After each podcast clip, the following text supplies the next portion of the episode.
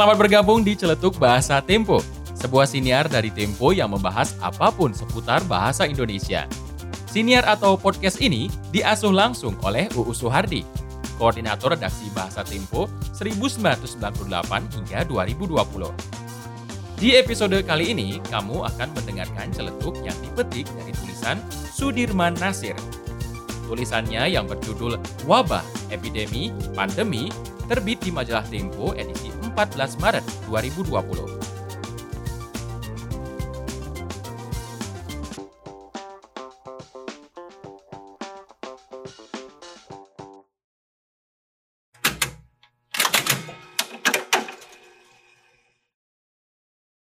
Wabah pneumonia misterius tengah menggemparkan Tiongkok dan membuat negara Dunia geger gara-gara kasus wabah pneumonia akibat virus corona misterius. Merebaknya wabah virus corona di kota Wuhan, Tiongkok membuat akses ke wilayah tersebut ditutup. Dua warga Indonesia yang positif terinfeksi virus corona disebut telah melakukan kontak dengan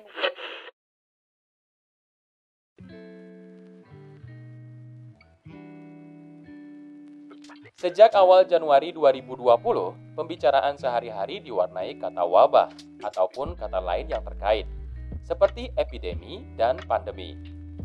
Tentu saja hal ini dipicu penyebaran luas virus corona baru atau SARS-CoV-2 yang bisa mengakibatkan penderitanya mengalami gangguan akut dan parah di saluran pernapasan hingga sulit bernapas. Virus yang kemudian disebut dengan COVID-19 ini awalnya ditemukan di kota Wuhan, Cina bagian tengah, lalu menyebar ke puluhan negara di dunia, menelan banyak korban jiwa, menimbulkan kepanikan sosial, serta mengakibatkan kerugian ekonomi. Kamus Besar Bahasa Indonesia mengartikan kata wabah sebagai penyakit menular yang berjangkit dengan cepat, menyerang sejumlah besar orang di daerah yang luas. KBBI memberikan arti yang sama untuk epidemi dengan sedikit penambahan, yakni menimbulkan korban yang besar. Kata wabah dan epidemi memang sering digunakan secara bergantian dan merujuk pada sesuatu yang sama, meskipun sebenarnya terdapat beberapa nuansa di antara kedua kata tersebut. Salah satu cara yang dapat kita pakai untuk memahami perbedaan antara wabah dan epidemi adalah dengan melihat padanan kata wabah dalam bahasa Inggris, yaitu outbreak. Penggunaan kata outbreak memiliki sejumlah persamaan dengan kata wabah, meskipun terdapat pula beberapa perbedaan. Cambridge English Dictionary memaknai kata outbreak sebagai a time when something suddenly begins, especially a disease or something else dangerous or unpleasant. Kedua kata tersebut dalam dua bahasa yang berbeda merujuk pada sesuatu yang berbahaya yang menjalar luas secara tiba-tiba. Wabah dan outbreak juga merujuk kuat pada bahaya atau ancaman penyebaran kuman dan penyakit. Namun, sementara kata wabah hampir sepenuhnya eksklusif merujuk pada penyebaran kuman dan penyakit, kata outbreak lebih berwarna karena dapat pula digunakan untuk bahaya lain, seperti kerusuhan, perang, dan cuaca buruk. Meskipun wabah dan outbreak sering dipakai bergantian dengan kata epidemi, sebenarnya terdapat sedikit perbedaan, khususnya dalam hal luas wilayah yang terkena dampak dan jumlah korban. Konsep epidemi merujuk pada sesuatu yang melebihi hal yang biasanya terjadi atau berkonotasi lebih parah daripada biasanya. Selain wabah dan epidemi, kata pandemi acap digunakan di berbagai liputan tentang COVID-19.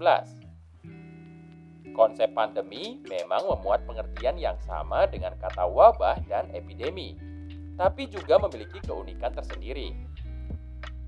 Pandemi menunjukkan luas wilayah yang terkena dampak dan potensi jumlah korban yang lebih besar lagi. Pandemi terjadi bila kuman atau penyakit menyebar di wilayah yang lebih luas dalam skala benua atau bahkan di seluruh dunia. Saat penyebaran penyakit meluas, ilmuwan-ilmuwan akan berdebat kapan statusnya akan berubah dari epidemi menjadi pandemi. Rumitnya masalah penyebaran penyakit memicu lahirnya sebuah cabang ilmu kesehatan, yaitu epidemiologi yang berfokus pada upaya memahami aneka faktor yang mempengaruhi pola penyebaran kuman atau penyakit.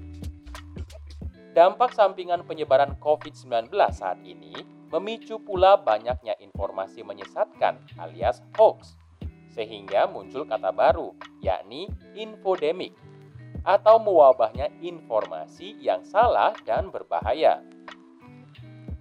Masalah kesehatan memang sering merangsang lahirnya kata-kata baru atau diadaptasinya kata-kata asing ke dalam sebuah bahasa, termasuk bahasa Indonesia.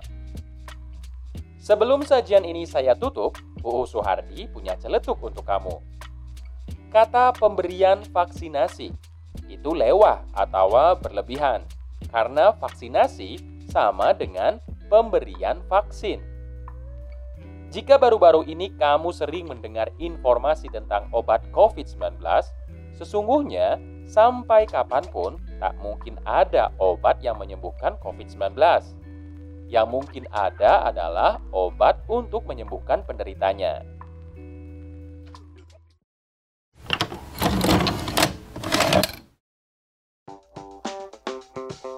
Terima kasih sudah menyimak siniar celetuk bahasa Tempo bersama UU Suhardi hingga akhir. Kalau kamu tertarik menyimak celetuk-celetuk lainnya, kamu bisa membaca rubrik bahasa dengan mengakses majalah.tempo.co. Saya Dewa Made, pengisi suara di episode kali ini. Nantikan episode selanjutnya tiap awal pekan. Salam